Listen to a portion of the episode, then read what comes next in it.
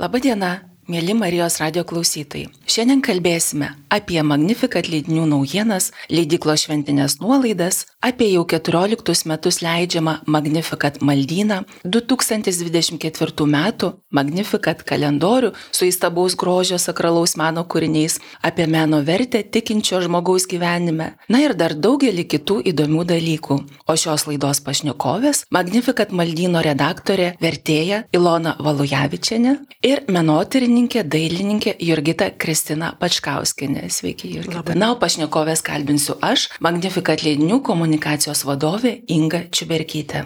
Magnificat leidinių vardas tikriausiai pirmiausia asocijuojasi su Magnificat maldynu. Tai yra pats pirmasis leidinys, kurį 2010 metais pradėjo leisti Magnificat leidiniai.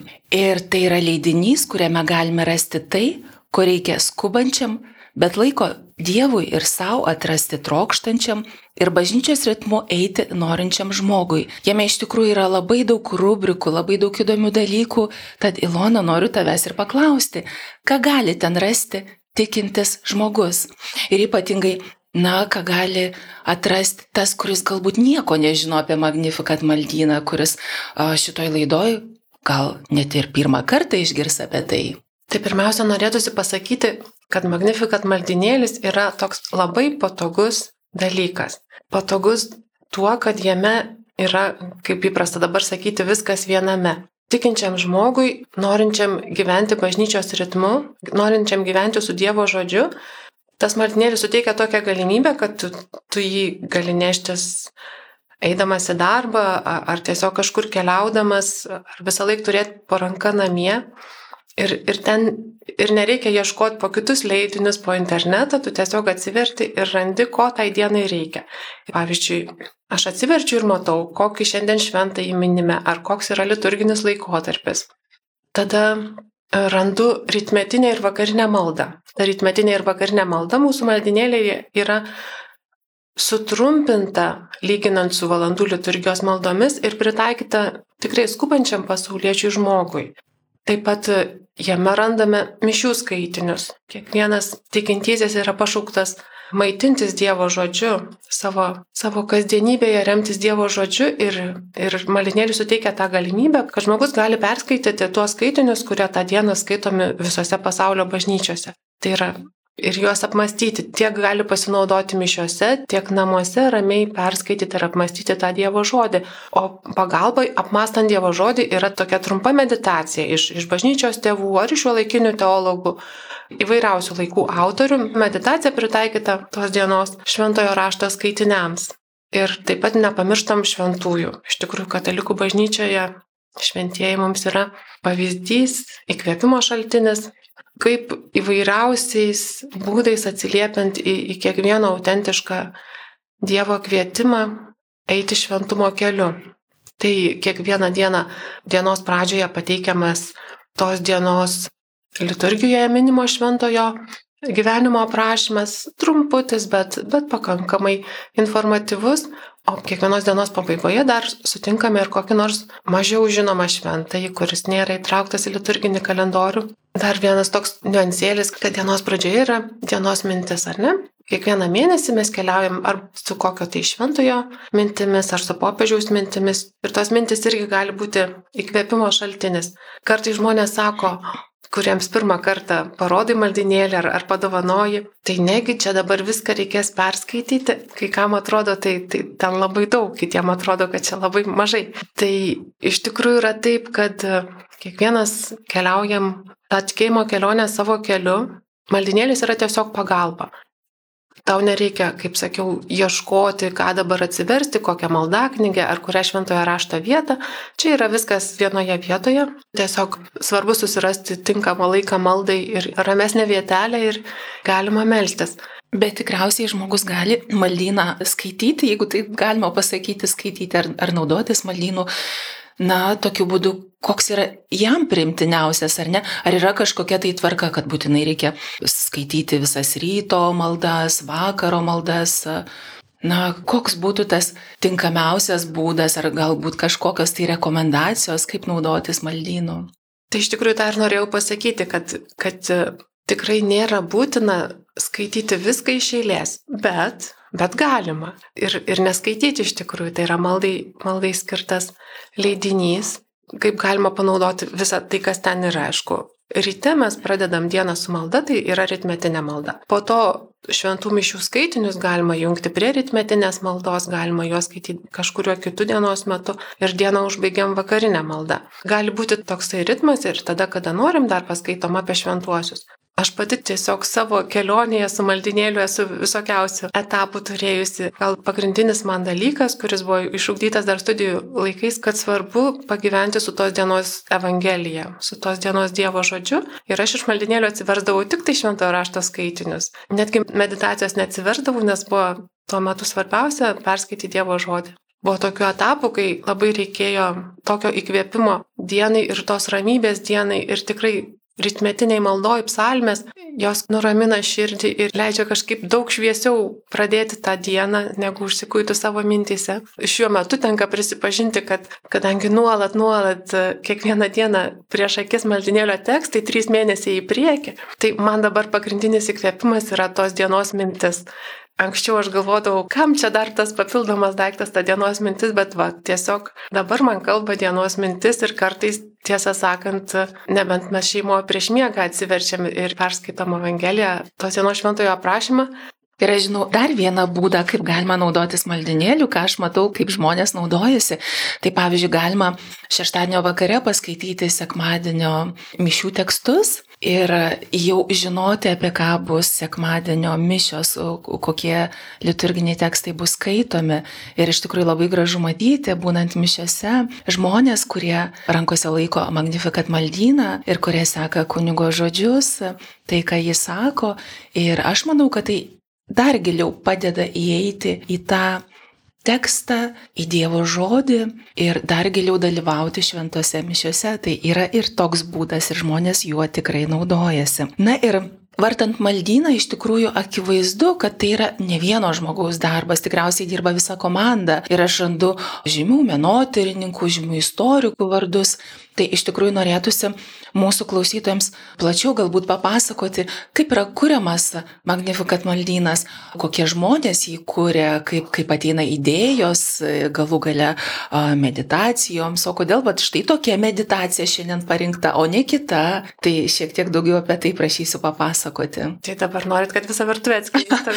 na, galbūt ne visą, pasilikime ir paslapčių, bet, na, tokius galbūt įdomius dalykus žmogui. Pavyzdžiui, ar lengva prisikalbinti, kad iš tikrųjų žymus istorikai, menotyrininkai, Biblijos, šventojo rašto žinovai rašytų magnifikat maldinėlį. Čia vienareikšmiškai neįmanoma, aišku, atsakyti tą klausimą. Yra labai ištikimų, nuo, net nuo pradžių bendradarbiaujančių autorių ir yra vienkartinių, kurie kartais irgi labai praturtina maldinėlį iš tuo vienkartinių straipsnių. Taip, Reikia pasakyti, kad čia yra kaip didelis krusdėlynas. Yra daug krusdėlyčių, kurios darbuojasi dažniausiai kažkur savo namuose ir, ir paskui mes viską sunešam į krūvą ir sulipdami tą galutinį leidinį. Tai jau nuo maltinėlio pradžio Tai mes labai džiaugiamės, kad prie maldinėlio prisideda tikrai žymus autoriai, mokslo žmonės, labai seniai mums padeda ir straipsnius rašo ir pakonsultuoja istorikas daktaras Liudas Jovaiša. Šiuo metu labai džiaugiamės straipsniais apie Bibliją, kuriuos rašo daktarė Ingrida Gudauskinė ir sesuo Benedikta Rolen. Tikrai praturtina mūsų žinias apie šventojo rašto knygas. Taip pat kiekvieną mėnesį, kaip žinote, turime ant viršelio meno kūrinį, kurį konsultuoja žinomos menotyrininkės, neretai ir, ir mūsų viešne Jurgita Kristina. Dabar meditacijas, kai kurias mes gauname iš Prancūzijos, nes mūsų kolegos Prancūzijoje su mumis dalyjasi. Ir yra trys vertėjos, ne tik vertėjos, bet ir teologijos, kurios padeda tas meditacijas išversti arba suranda lietuviškose leidiniuose. Nėra taip paprasta atrasti tai, kas žmogui prakalbėtų ir sutaptų su tos dienos skaitiniais. Tai taip pat yra korektorės, maketuotojas, dizainerės, daugybė žmonių, kurie, kaip sakiau, kaip skrusdėlytės po šapelį suneša į tą maldinėlį savo įnašą. Vienas iš Magnificat tikslų yra pristatyti sakralaus meno paveldą visuomenėje. Todėl kiekvienas maldyno viršelio paveikslas, kaip jau buvo minėta, yra lydimas ir samaus menotirinko aprašymo. Esame išleidę knygelę, paremtą apmąstymais kilusiai žvelgiant į žymaus italų dailininko Karavadžio nutapytą paveikslą Švento Mato pašaukimas. Na, o šiemet pirmą kartą išleidome sienį kalendorių, kuri puošia 12 sakralaus meno kūrinių. Irgi tai jau jūsų noriu paklausti, kiek yra svarbus krikščioniško meno pažinimas tikėjimo kelyje? Galbūt aš sakyčiau, kad nepažinimas, menas, ypač ką mes išspausdiname kalendorijoje, tai yra tapybos darbai. Pirmiausia, jį reikia tiesiog žiūrėti pradžioje. Čia yra pirmas žingsnis. Žiūrėti, įsižiūrėti. Na ir pažinimas tai yra ėjimas į gilį. Nes tiesą pasakius, vaizdai, kuriuos publikavome, ypač senieji vaizdai, tai žmonės anksčiau juos mokėdavo perskaityti. Na, kuria prasme perskaityti? Žiūrint, suprasti, kas vaizduojama. O šio laikinis žmogus gali būti, kad jau ir nebeperskaito ir jam reikia tokio palydinčio žodžio, paaiškinti, kas tai yra, kas pavaizduota, nėra viskas savaime suprantama, kodėl, kas ką reiškia, tai va tie ženklai, simboliai, juos dažnai reikia išaiškinti. Paėmus Magnifikat maldyną į rankas, be abejo, pirmas žvilgsnis tai yra į viršelį. Ilona, o kaip gimsta šis viršelis?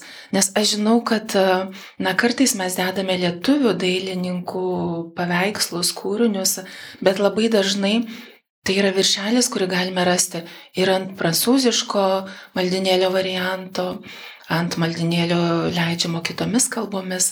Kaip atsiranda šie paveikslai? Tai čia mes vėl esame labai dėkingi kolegoms iš Prancūzijos, kurie tos paveikslus kiekvienam mėnesiu labai kruopščiai per ilgą procesą atrenka ir pasidalyja su mumis. Aišku, nenorim pamiršti ir, ir mūsų turimų turtų lobių ir karts nuo karto pasidalyjame kokiu nors Lietuvoje esančio paveikslo reprodukciją.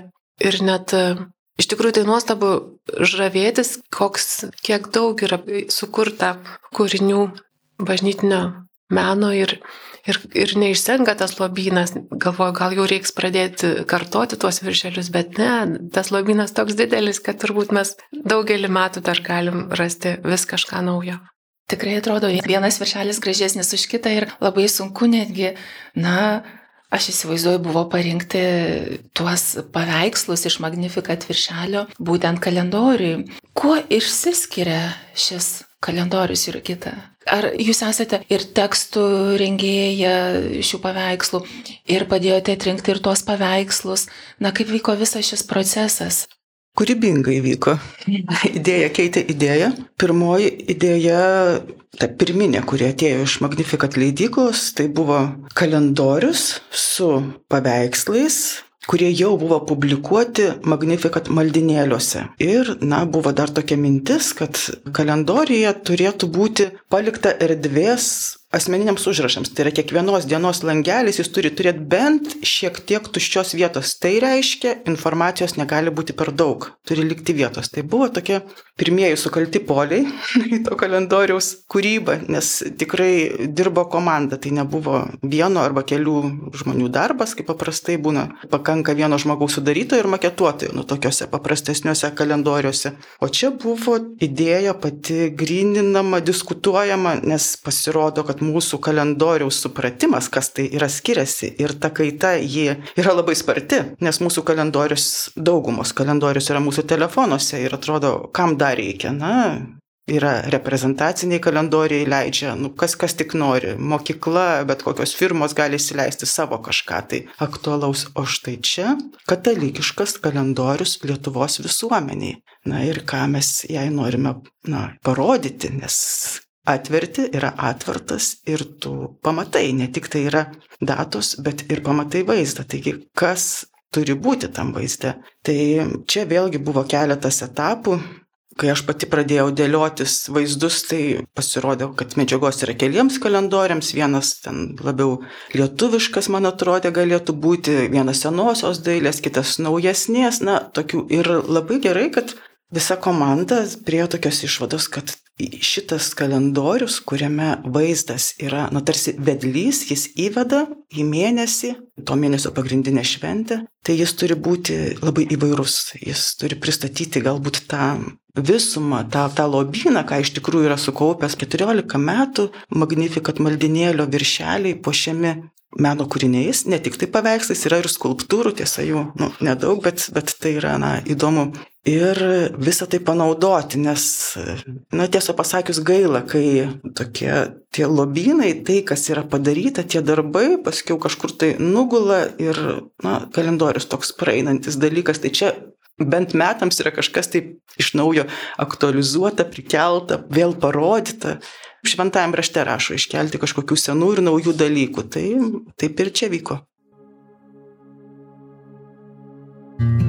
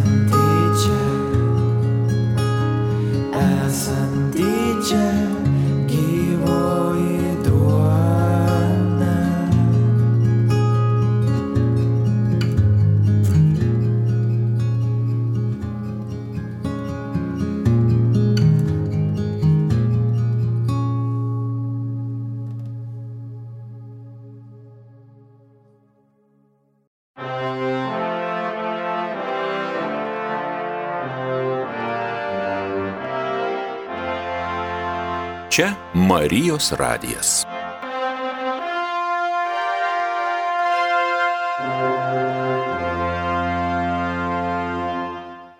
Marijos radio klausytojams primenu, kad šiandien kalbame apie Magnificat leidinių naujienas, šventinės nuolaidas, apie 2024 m. Magnificat kalendorių su įstabaus grožio sakralaus meno kūriniais, apie mūsų naujienas, knygas. Na ir, ir šios laidos pašnekovės yra Magnificat maldyno redaktorė Ilona Valujavičianė ir menotyrininkė dailininkė Jurgita Kristina Pačkauskinė.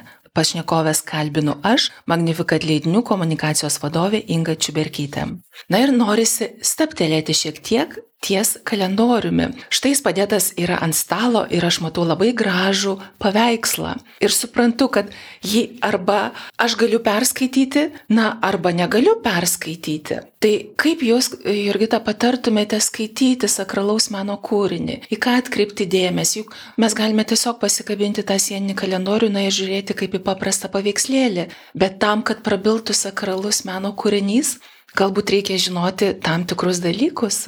Yra paprastas dalykas ir jis, manau, ne tik sakralios dailės kūriniams, bet visiems meno kūriniams galioja. Tai plastiniai menai, tapybos kūriniai yra skirti žiūrėjimui.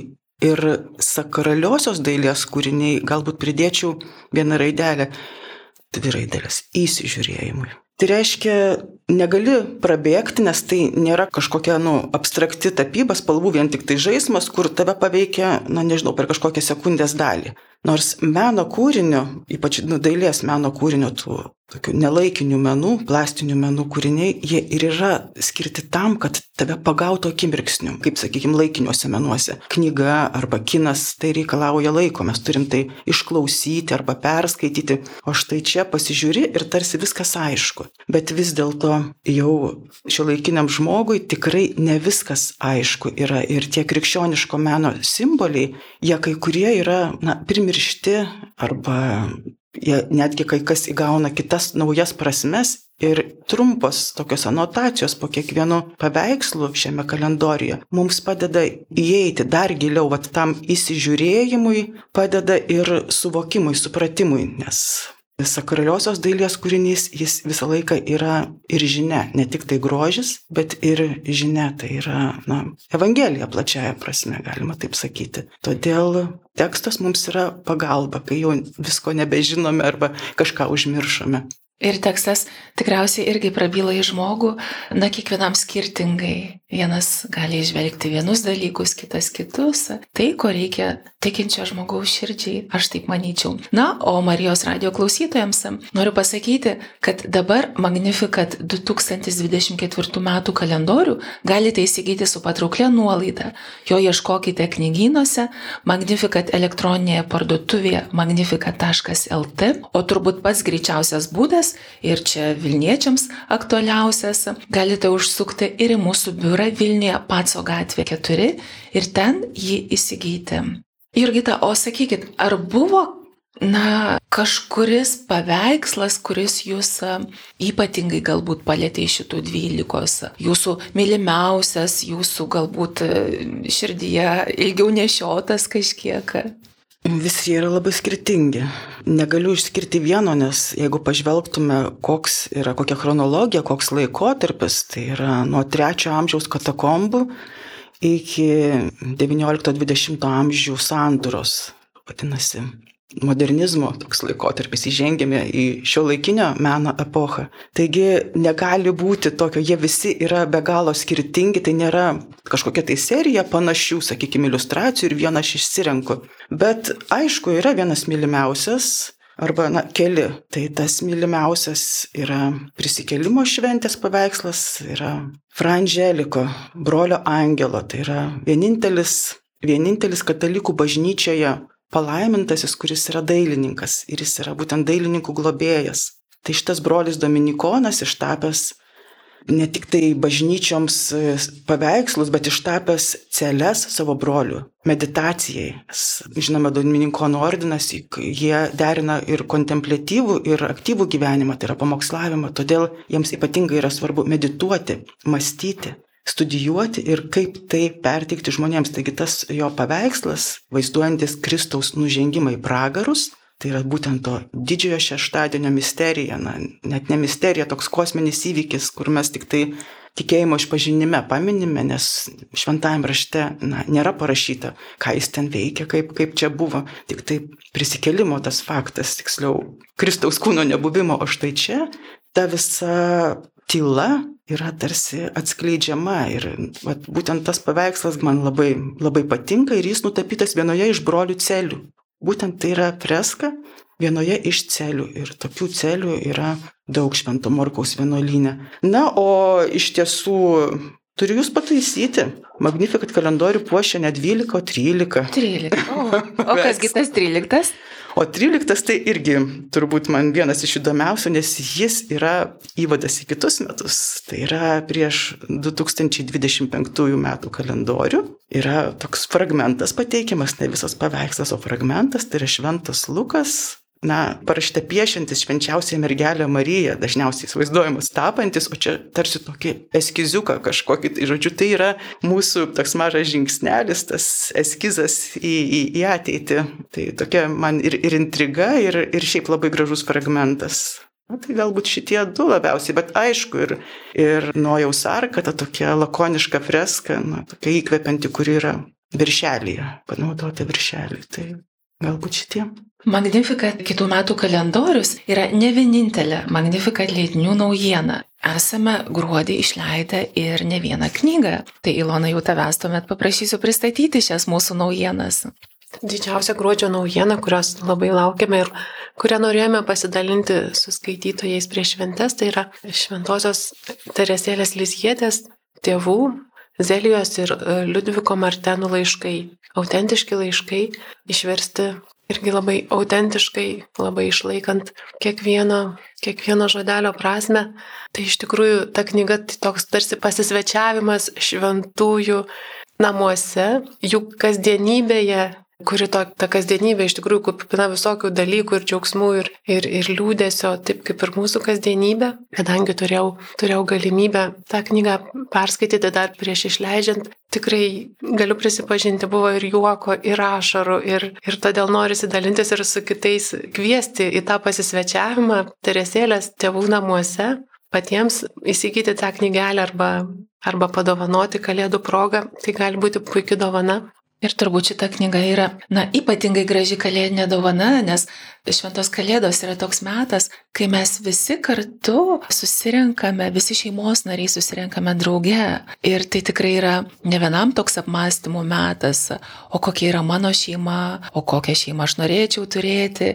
O ši knyga tarsi ir kviečia įžengti į šventos šeimos kasdienybę ir tarsi sako, kad kiekviena šeima pašaukta yra eiti į šventumą. Tai labai gražus, na, toks momentas atsispindi šitoje knygoje. O kokios dar yra Magnificat naujienos? Taip, iš tokių naujausių knygų, kurios, na, naujausios, sakykime, nuo pavasario iki šio rudens, tikrai yra jos įvairios ir labai, labai gilios. Taip, prieš Martenų laiškus lapkritį pasirodė knyga apie apokalipsę šventajam Jonui. Tai yra Jonitų kunigo tėvo Ellen Marie de Lesiu knyga, padedanti gilintis į tikrai patį sudėtingiausią, turbūt šventojo rašto leidinį Apokalipsę. Vasarą pasirodė jėzuitų kunigo Dievo tarno Josefo Walterio Cišeko knyga jis mane gano. Iš tikrųjų, irgi ypatinga patirtis, ypatinga patirtis kunigo, praleidusio keliasdešimt metų Sibirė, lageriuose ir kaip toje atrodo tikėjimui baisiausiai nepalankioje aplinkoje įmanoma išsaugoti tikėjimą ir juo gyventi. Na, jeigu jūs atsiversite mūsų svetainę ir, ir elektroninį knygyną, ten pamatysite ir, ir kitas, ne tik šiemet, bet ir seniau leistas prasmingas knygas. Na ir mūsų elektroninėme knygyne, kurį galite rasti magnifica.lt, tikrai dar galite užsisakyti knygas ir jos spės atkeliauti iki švenčių. Ir ten jūs taip pat galite rasti skirelį išpardavimas. Turime tokią akciją, perkate vieną knygą, kitą gaunate dovanų. Na ir ten tikrai yra daug smagių dalykų, kurie gali būti įdomus tikinčiam žmogui. Taigi, užsukite į mūsų elektroninį knygyną. Mūsų knygų taip pat ieškokite ir kitose knygynuose. Na, o taip pat galite užsukti mūsų leidyklą Paco gatvėje Vilniuje ir ten ir įsigyti knygą, ir pabendrauti jums rūpimais klausimais. Tai visada esate ten laukiami. Na ir jeigu šiek tiek pažvelgtume į ateitį, Ilona, ar yra kažkokie tai planai artimiausių metų, kokios gi knygos pasirodys? Galime šiek tiek suintriguoti mūsų klausytoje. Taip, labai, labai laukiam knygų mūgės, joje turėtų pasirodyti dvi naujos knygos ir, ir įdomumas tas, kad tai yra lietuvių autorių knygos. Ir jos e, iš tikrųjų aktualios e, tam tikrais gyvenimo etapais. Pirmoji knyga Gabrielės Bernotinės yra besiruošiantiems santokai. Tai, bet tai nėra praktinių patarimų knyga, tai yra iš tikrųjų, kas, kas yra svarbu ruošiantis bažnytiniai santokai, apie ką mes galbūt nesusimastome. Antroji knyga apie tėvystę. Taigi lietuvių autorius kalbina lietuvius tėvus apie jų tėvystės patirtį. Tai iš tikrųjų tokios, sakyčiau, unikalios šitos knygelės, mes jų laukiame ir kviesime jūs į pristatymus knygų mugėje ir, ir ten jas pavartyti ir, ir įsigyti. Taigi, mėly Marijos radio klausytojai, sekite mūsų naujienas. Mūsų naujienas publikuojame mūsų Facebook paskyroje. Jas taip pat galite rasti internete adresu magnificat.lt. Ir taip pat skaitykite mūsų maldinėlį. Taigi mūsų laida jau eina į pabaigą ir Marijos radio klausytojams noriu priminti, kad Magnificat leidinių naujienas galite rasti internete adresu magnificat.lt. Mūsų naujausių knygų ieškokite knygynuose, užsukite pas mus į svečius Vilniuje, Paco gatvė 4. Ten tikrai esate visada laukiami ir papasakosime, atsakysime į visus jums rūpimus klausimus. Taip pat noriu paraginti ir mūsų Magnificat maldyno skaitytojus, naudotojus, tie, kas įpratę kiekvieną mėnesį melsis su šituo maldinėliu. Suskupkite jį įsigyti iki šių metų pabaigos, nes dėja, na, situacija tokia, kad ir mes, Magnifikat leidiniai, esame priversti reaguoti į ekonominius pokyčius visuomenėje ir kitais metais maldinėlio kaina bus šiek tiek didesnė. Taigi dar turite šiek tiek laiko iki šių metų pabaigos užsisakyti maldyną mažesnę kainą. Tai yra dabartinė kaina, kokia ji yra. Taigi šiandien mes kalbėjome apie Magnificat leidinių naujienas, apie šventinės nuolaidas, apie nuostabų 2024 metų Magnificat kalendorių su įstabaus grožio sakralaus meno kūriniais. Štai jis dabar yra padėtas pas mus studijoje ant stalo ir tikrai tie sakralaus meno paveikslai traukia akį ir jie iš tikrųjų prabyla. Prabyla įtikinčiojo žmogaus širdį taip, kaip aš manau, tuo momentu labiausiai ir reikia. Na, o šios laidos pašnekovės buvo Magnificat leidinių redaktorė vertėja Ilona Valujavičiane ir menotyrininkė, dailininkė Jurgita Kristina Paškauskinė. Pašnekovės kalbinau aš, Magnifikat leidinių komunikacijos vadovė Inga Čiuberkytė. Taigi labai dėkoju Jums, mėla Ilona, mėla Jurgita, kad apsilankėt, kad papasakojate tikrai įdomių dalykų. Aš manau, kad Marijos radio klausytojai dabar tikrai žinos, kur ieškoti prasmingų kalėdinių šventinių dovanų ir keliaukime kartu ir 2024 metais ir tiesiog stiprinkime savo tikėjimą, kai iš tikrųjų padeda ir Magnifikat maldynas, ir Magnifikat leidinių leidžiamos knygos, ir sakralaus meno kūriniai. Visa tai yra tikinčio žmogaus tiesiog kelio dalis. Taigi dar kartą Jums dėkoju, linkiu gražios dienos Marijos radio klausytojams ir iki, iki susitikimo su Dievu.